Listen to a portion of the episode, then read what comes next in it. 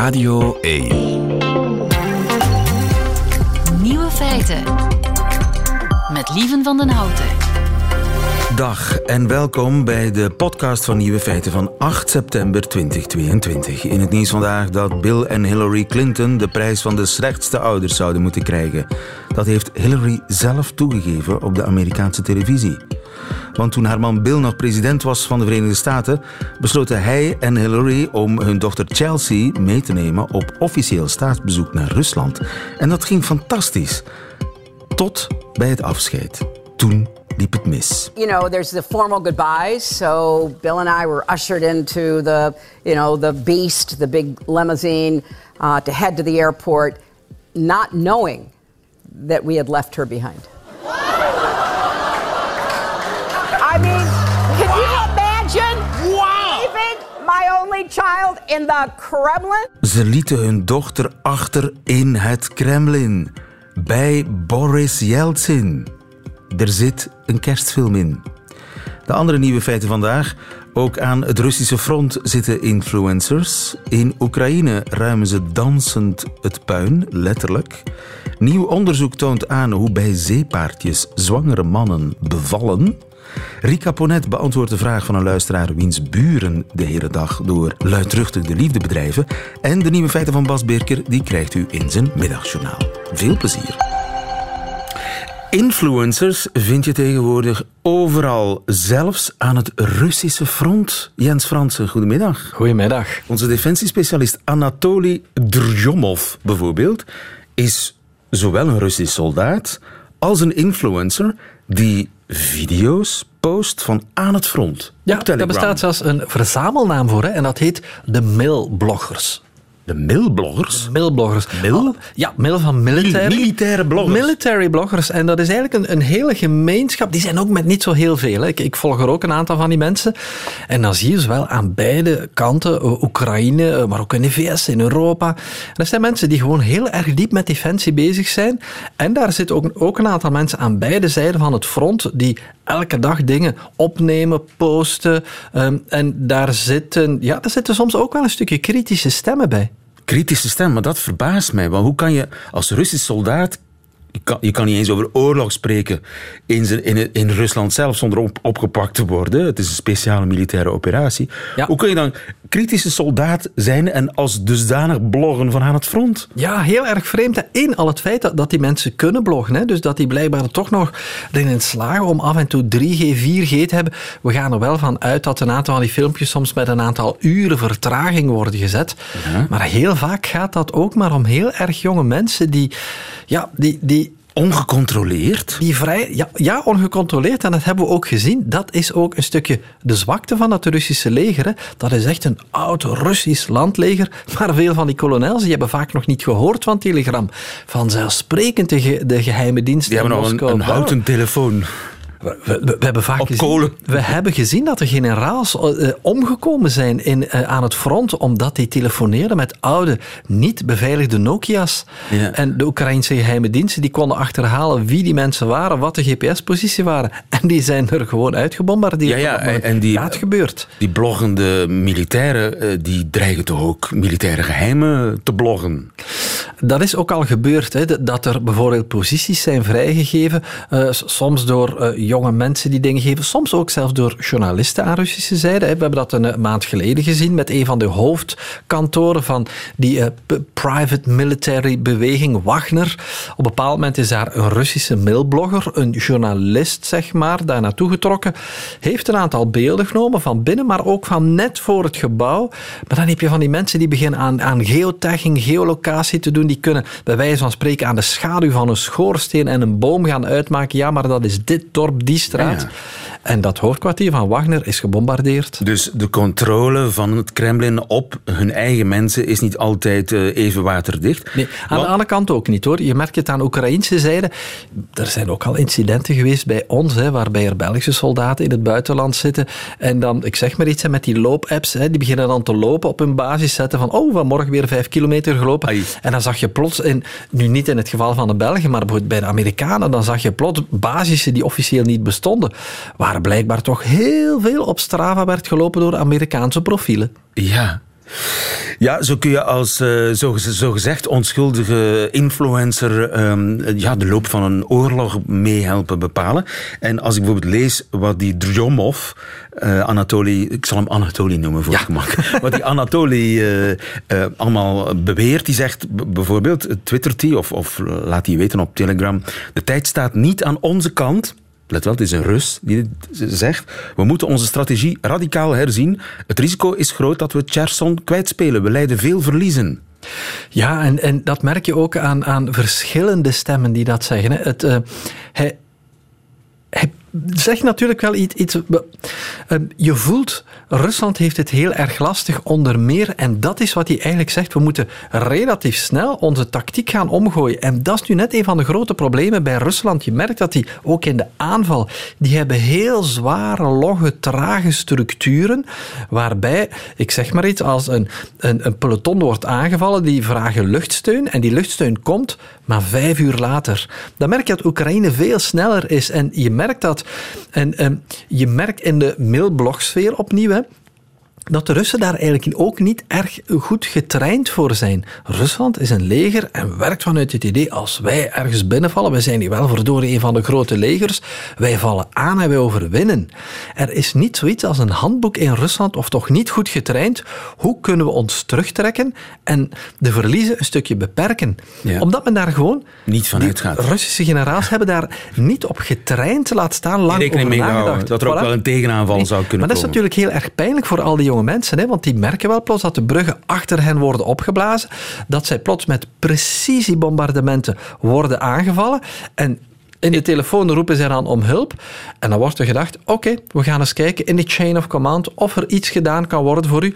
Wacht op de telefoon terug, maak, uh, maak soep, er komt antwoord. Maak soep, er komt antwoord. Nu, uh, dus die, die blogger legt wel eh, de vinger op de zere wonden.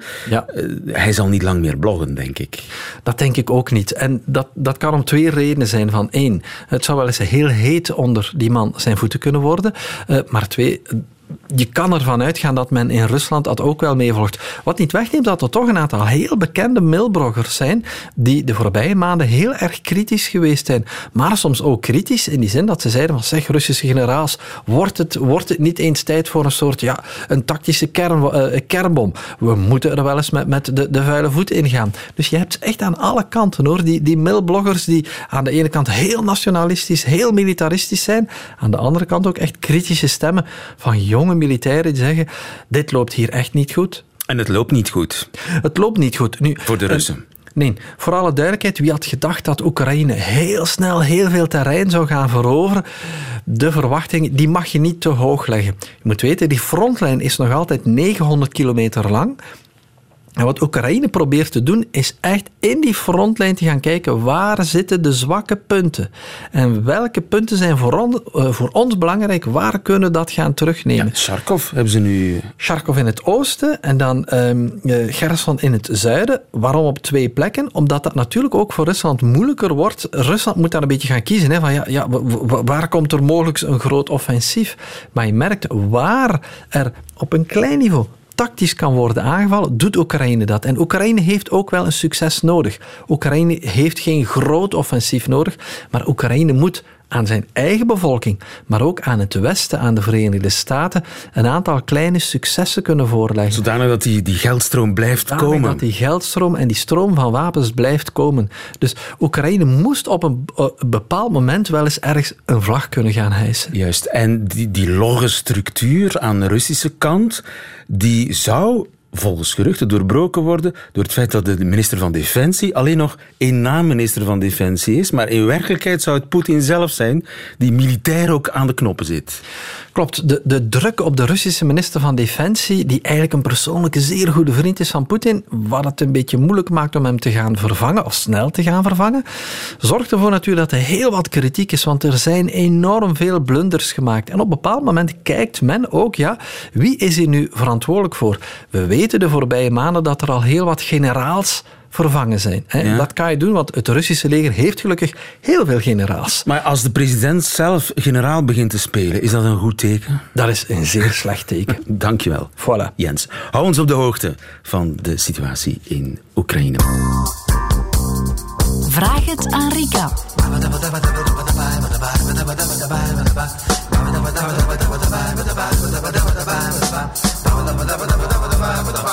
En Rika Ponet is weer uh, present, zoals uh, op donderdag de afspraak. Dag Rika. Hallo, dag lieve. Ik heb weer uh, tonnen post voor jou. Zal ik er eentje uitpikken? Ben je er klaar voor? Helemaal. Ramzi. Ramzi is 28, schrijft ik ben single en woon in het centrum van Brussel in een klein appartementsblok. Het is er erg rustig, gelegen in een rustige buurt, allemaal elementen die voor mij belangrijk waren toen ik het huurde. Ik ben een IT'er en werk veel van thuis uit, dus rust is belangrijk. Alles ging heel goed tot ik een paar maanden geleden nieuwe buren kreeg. Een jong, sympathiek koppel.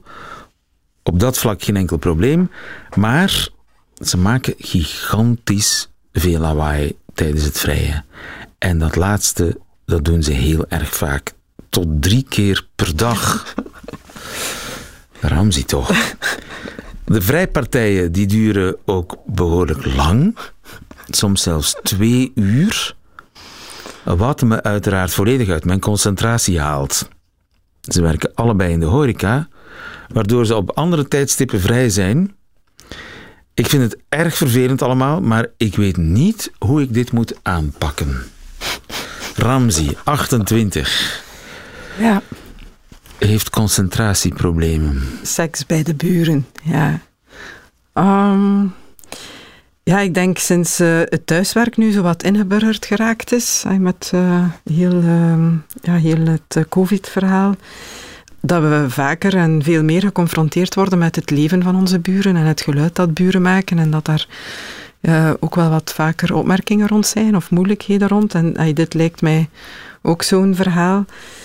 Ja, gouden tips zijn daar nu niet direct voor. Um, een dwaze, ik weet het, maar het lijkt mij toch een optie om tegen lawaai te maken. Hè. Wie, wie, weet, uh, beginnen stofzuigen, maar als je dat dan drie keer per dag moet doen, dan uh, zal zijn appartement er heel proper bij liggen. Keiharde porno opzetten? Zelf, ja, tegen, tegen uh, ja, wie weet spelen ze daar ook geen seksfilm. Hè. Klopt het niet helemaal. Hè. Dus... Um, Um, een koptelefoon, ik heb dat. Uh, ik woon in een buurt waar er uh, nogal wat... Uh, iedereen die in Gent woont, woont wel in de buurt van een, een of andere bouwwerf. Um, dus ik heb zo'n koptelefoon met een silence-functie daarop. Vind ik een een enorme uitvinding. Ja, die werken goed, hè? Ja, die werken goed. Dat lijkt mij ook een optie. Um, Verhuizen, ja, dat is nogal Verhuizen. drastisch. Dat is wel heel drastisch. Hè? Ja, vooral ook omdat ja, hij woont er blijkbaar heel erg graag. Dus um, dat lijkt mij nu niet direct de optie. Um, soms laten nou, mensen anonieme... Zou je dat in sommige situaties ja. overwegen om te verhuizen? Ik ken mensen die dat gedaan hebben, leven. Ja, echt. Um, voor seks bij de buren? Uh, ja, niet alleen voor seks, maar voor luide muziek, voor feestjes ja, die dat soms twee, drie jaar heel hardnekkig proberen om, um, om daar een vorm van wederzijds respect of uh, communicatie rond te hebben en waar dat, dat dan voor geen meter loopt. En uh, ik vind geluidsschinder uh, ja, dat, we mogen dat toch niet onderschatten, ja. wat dat met zich meebrengt aan stress. Oké, okay, maar ja, dat is in laatste instantie, de, in laatste oplossing. instantie de oplossing. De ja. vraag is natuurlijk, hoe kun je dit beschaafd aanbrengen? Kun je dit beschaafd aanbrengen? Um, ja, ik vind dat eigenlijk wel, want uh, laat ons eerlijk zijn, als hij zo goed hoort wat er uh, bij hen gebeurt, dan moeten zij zich toch ook bewust zijn, ik denk dat hij ook wel af en toe lawaai maakt, uh, andere soorten van lawaai, van het feit um, dat hij dat effectief zo goed kan horen. Als, als ik hoor wat er bij mijn buren gebeurt, dan ben ik mij toch ook bewust van het feit als ik hen een trap hoor opgaan, dat zij ook horen dat ik de trap opga. En dan heb ik daar zo een licht vermoeden bij dat daar misschien een stukje een exhibitionistisch kantje aan zit. Hè? Dat die twee daar zoveel heibel maken, omdat ze dat opwindend vinden. Hè? Dat ze horen dat, uh, dat hij thuis is en uh, ja, ze dat op de een of andere manier It's showtime. Ja, wat kinky vinden van dat te doen. En, uh, en dat, dat hij zou kan best meeluisteren. kunnen als ze ja. twee uur doorgaan. Ja, dat is... Uh, misschien is het een goed idee om uh, telkens als ze doen, en om dat een paar keer uit te proberen, met uh, heel veel misbaar het appartement te verlaten en eventjes te gaan wandelen, zodanig dat ze horen, ja bon, hij is er niet, hè, hij gaat altijd weg. Het aankaarten lijkt mij ook eentje dat, ah ja, uiteindelijk waarom niet? Hij heeft er blijkbaar voor de rest een goede verstandhouding mee. Je kan dat ook doen met een ja, een beetje vanuit, ehm, een beetje met wat humor. Hè, eh, van, eh, ja, misschien besef je het niet, maar de geluiden uit de slaapkamer komen bij mij nogal heftig binnen. En ehm, misschien vind je dat ook zelf niet zo leuk, dat ik dat allemaal hoor. Dus ik meld het maar even. Hè. Je, kan het, je kan het op die manier brengen. Um, Misschien vinden jullie het gênant dat ik het ja, hoor. Ja, dat ik het hoor. Zo, hè, dan, ay, dat is een mooie insteek. Uh, en ja, niets doen lijkt mij ook een optie. Uh, ik geloof nooit dat ze het aan dit tempo volhouden. Ja. dus laten we realistisch blijven. Ja. dit, dit, um, dit, duurt niet lang meestal. Dit is een, uh, een volgens mij vrij, vrij, recent koppel en de, de seksdrive die daalt met de tijd. Dus het wordt sowieso rustiger in het appartement naast jou, ben ik zeker van. Ramzi, dat is toch, dat is toch een geruststelling. De professional in, dit, in, in, dit gezelschap die weet dat het overgaat. Ramzi, veel succes en dankjewel voor je brief. Zijn er nog mensen die uh, brieven willen schrijven, vragen hebben voor onze relatiedeskundige Rika Ponetti? Uh, zijn altijd welkom op Nieuwe Feiten uit radio1.be. Tot volgende week. Graag. Nieuwe Feiten.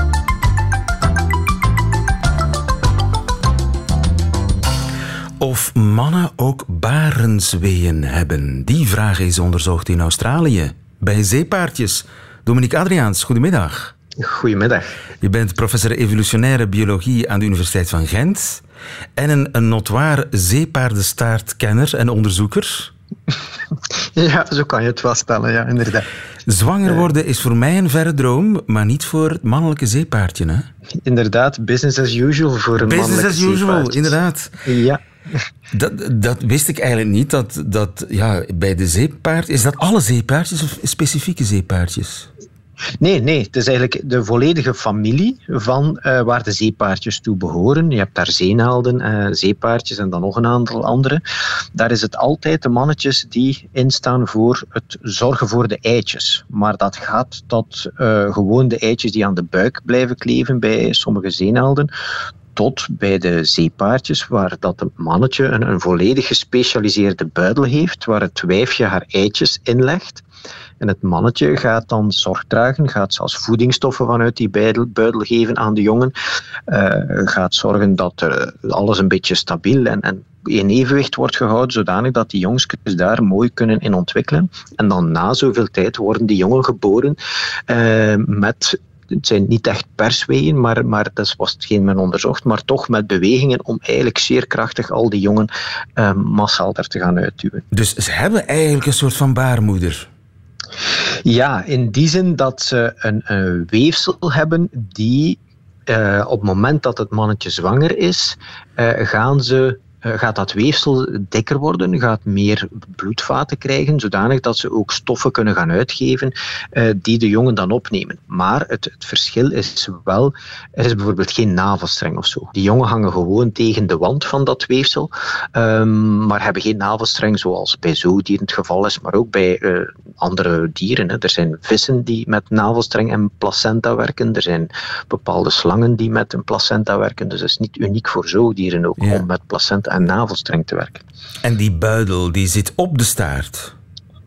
Die zit eigenlijk uh, aan de basis van de staart. Uh, begin van de staart?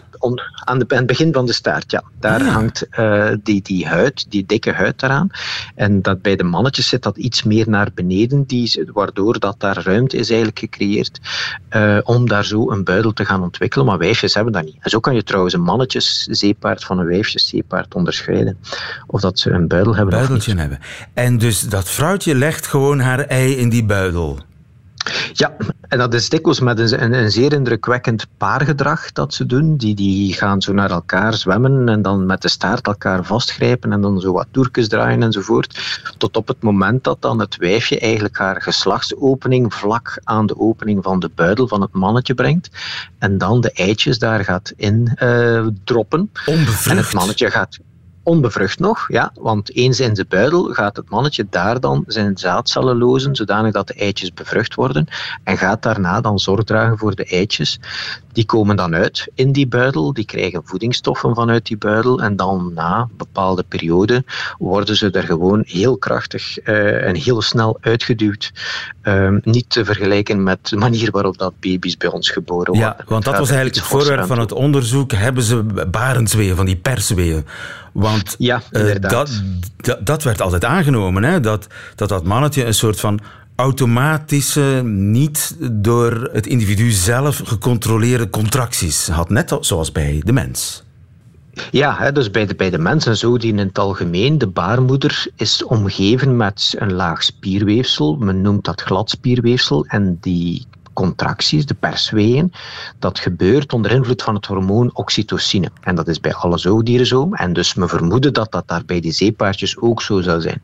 Maar dan zag men van, ah ja, maar in die buidel zit eigenlijk geen of heel weinig van dat glad spierweefsel. En als ze dan ook het, de visvariant van dat hormoon toedienden, dan zagen ze dat die buidel eigenlijk helemaal niet samentrok of heel weinig. Dus die, die dus niet op dat hormoon dan, ja, waar de, die bij nee. vrouwen eh, gebruikt wordt om die persweeën op te roepen? Ja, inderdaad. En het is ook een natuurlijk hormoon. Hè. Dus normaal de persweeën die spontaan komen, dat is omdat dan dat hormoon, oxytocine noemt dat hormoon, uh, dat, dat de moeder dat produceert en dat zorgt voor die samentrekking.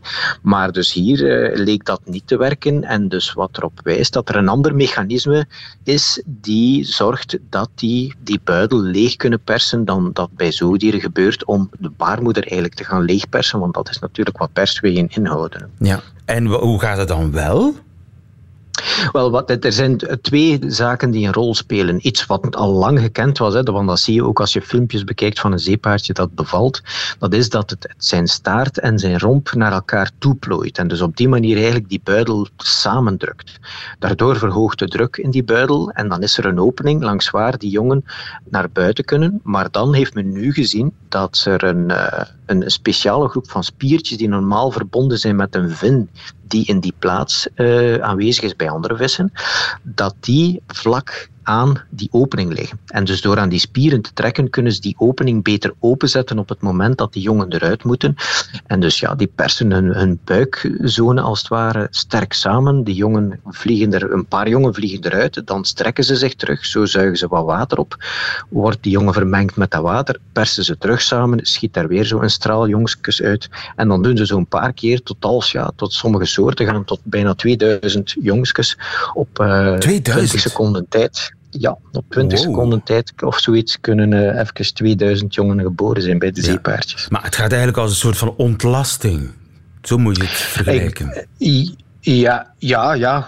Bij, bij alles waar dat ergens iets onder druk naar buiten wordt geduwd. Maar hier is het bijna het volledige lichaam die die buidel plat drukt. Uh, en dankzij die spiertjes dat die opening kan uh, open gehouden worden, zodanig dat dat een beetje vlot gaat. Hè, want dat, dat die, die jongskes daar ook niet verkreukeld en gebroken eruit komen. Want anders zou het natuurlijk ook niet goed zijn voor de overleving van die soort. Ja. En eenmaal die uh, jongskes geboren, uh, gaat dan uh, papi ook moederlijk met ze om? Of, of, want ja, voor ons mensen is dat zo, die, die traditionele rollenpatronen zijn bijna omgedraaid. Ja, hè? ja.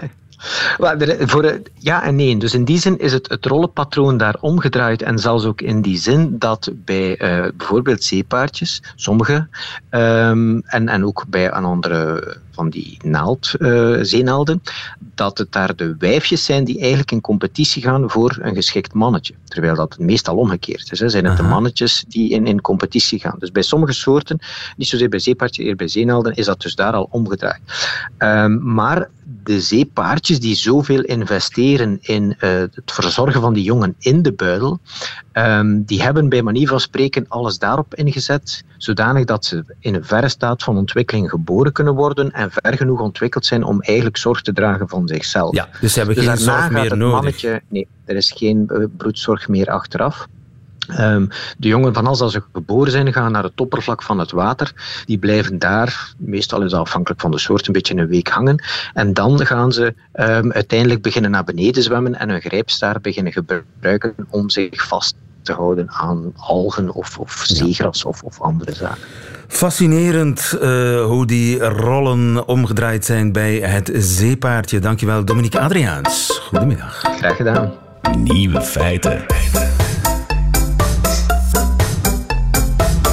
Radio 1. In uh, Oekraïne wordt oorlogspuin opgeruimd met technofeestjes. Zo klinkt dat.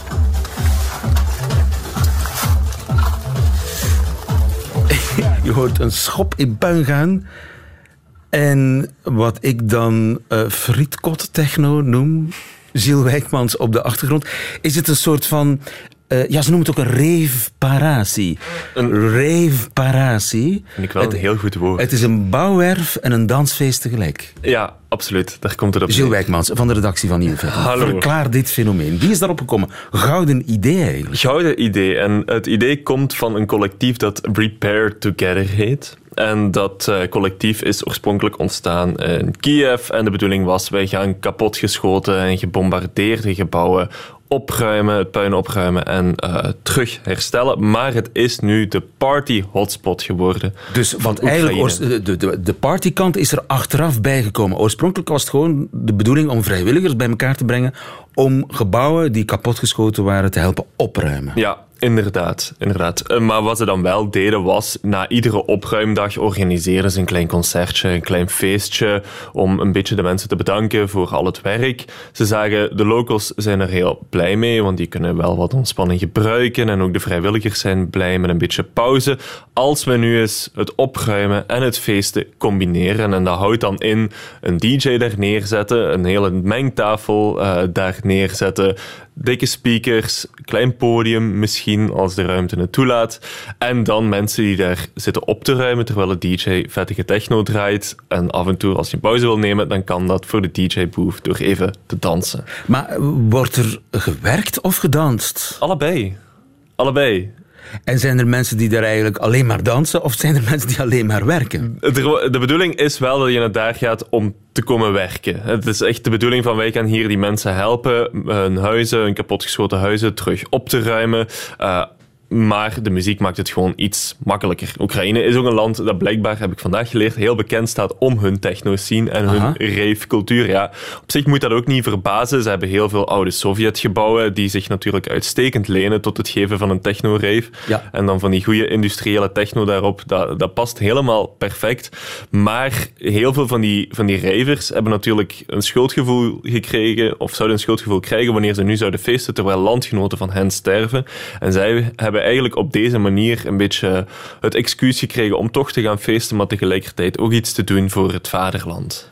Oké, dus het is ook um, schuldeloos feesten. Ja, Inderdaad, inderdaad. En tegelijkertijd ook een beetje een manier natuurlijk om, om de lokale bevolking een hart onder de riem te steken. Bijvoorbeeld in het stadje Yahidne, wat een stadje is op twee uur ten noorden uh, van Kiev. Daar hebben ze onlangs een gebouw uh, gerepareerd en opgeruimd. En daar zijn dan wel 200 vrijwilligers uh, op afgekomen. Um, maar bijvoorbeeld als we dat stadje als voorbeeld nemen. Um, 3 maart werd het veroverd door de Russen. 31 maart werd het heroverd door de Oekraïners. Maar tegen een bloedige prijs. De Russen die hadden 300 mensen in een kelder gestoken van de school. Gebruikt als menselijk schild, waaronder 77 kinderen. 10 daarvan zijn gestorven. En die mensen van dat stadje zijn natuurlijk heel blij wanneer er dan uit Lviv en Kiev allemaal mensen komen. Zelfs uit uh, Amerika en Duitsland en Portugal. Party people. Ja, om hen te komen helpen. En sommige mensen zijn dan niet echt blij met het feit dat er techno op het menu staat, maar dat nemen ze er dan uh, wel bij. Dus het is ook de bedoeling dat uh, mensen uit het buitenland komen mee feesten? Dat kan, dat kan. Als er Belgen zijn die de fuse uh, een beetje beu zijn, dan kan je ook in Oekraïne gaan feesten. Ze hebben een Instagram, Repair Together, en ze zullen nog heel veel feestjes moeten organiseren, want ze willen tegen de winter 25 gebouwen herstellen hebben. Ondertussen staat de teller op 15. Um, maar uh, het totaal aantal kapotgeschoten gebouwen ligt op 133.000 volgens de Kiev School of Economics. Dus er Oei. zullen nog veel feestjes moeten komen. Daar, zijn, daar zijn nog veel feestjes op. Feestje bouwen. hey, ja. feestje bouwen. Ah, wauw. Punt uh, Oekraïne. Dankjewel, Gilles Wijkmans. Radio 1. Nieuwe feiten. En dat waren ze meteen de nieuwe feiten van 8 september 2022. Alleen nog die van Bas Birker krijgt u nu in zijn middagjournaal. Nieuwe feiten. Middagjournaal. Liefste landgenoten. Ik moet zaterdag naar een trouw. Ik had natuurlijk ook mag kunnen zeggen, maar dat suggereert een vrijwilligheid. Ik ben niet betrokken bij het bepalen van de datum, noch bij de locatie of partnerkeuze. Het bruidspaar heeft beslist dat ik tot de exclusieve kring van 200 mensen behoor die geacht wordt eeuwige liefde kracht bij te zetten middels een goed gevulde envelop. Of ze vroegen vrouwlief en ik moet dan blijkbaar mee. Dat kan natuurlijk ook. Na 12 jaar in Vlaanderen wordt dit pas mijn eerste volledige trouwfeest. In mijn omgeving wordt zelden in de echt verbonden en als er wel gefeest wordt, moet ik meestal eerst werken. Er is maar één ding erger dan gedwongen worden de liefde te vieren en dat is pas arriveren op het feest als iedereen al vier uur zijn envelop eruit aan het drinken is. Zelf ben ik niet getrouwd, al omschrijf ik mijn vrouw wel altijd als mijn vrouw. Dat is woke. Ik ben wettelijk samenwonend, maar ik identificeer me als getrouwde man. Maar echt in transitie gaan? Nee. De Peter Pan in mij vindt het leven een speeltuin waarbij je van hobbelpaard naar Tinkerbell moet kunnen springen en beloftes maken schuld. Om nog maar te zwijgen over geloftes. Ik ga echt niet zeggen dat ik de rest van mijn leven samen zal blijven, ook al is dat nu toevallig het geval. Geef mij maar het concept wettelijk samenwonen. Daarvoor moesten we ook een handtekening zetten op het gemeentehuis, maar dan zonder misdadige beloftes over de toekomst. En belangrijker, geen getuigen. De ambtenaar van de burgerlijke stand vroeg gewoon op dinsdagmiddag: Dus jullie wonen op hetzelfde adres? Dan is dat nu genoteerd. U mag het huis kuisen. Na het constateren van huidige trouw stond er niemand buiten het gemeentehuis om ons te feliciteren met het feit dat we bleven wonen waar we woonden. Nul medemensen moesten een nieuwe outfit kopen omdat er niks geschikts in de kast hing. Er was geen fotoboot waarin uitgebluste koppels onder invloed van alcohol onwennig doen alsof ze ondanks hun schulden en nageslacht met twijfelachtige herkomst toch de juiste keuze hebben gemaakt. Mijn vrouw ging terug naar haar werk en ik ging de rijst koken die niemand over ons had heen gesmeten. Prima dinsdag. Intussen kijk ik op de to-do-lijst voor overmorgen. Outfit shoppen, oppas regelen, bob bepalen, kaartje kopen, envelop vullen. Ik zal maar even naar de bank lopen. Want je wil het kerstverse bruidspaar natuurlijk niet opzadelen met nog meer schuld.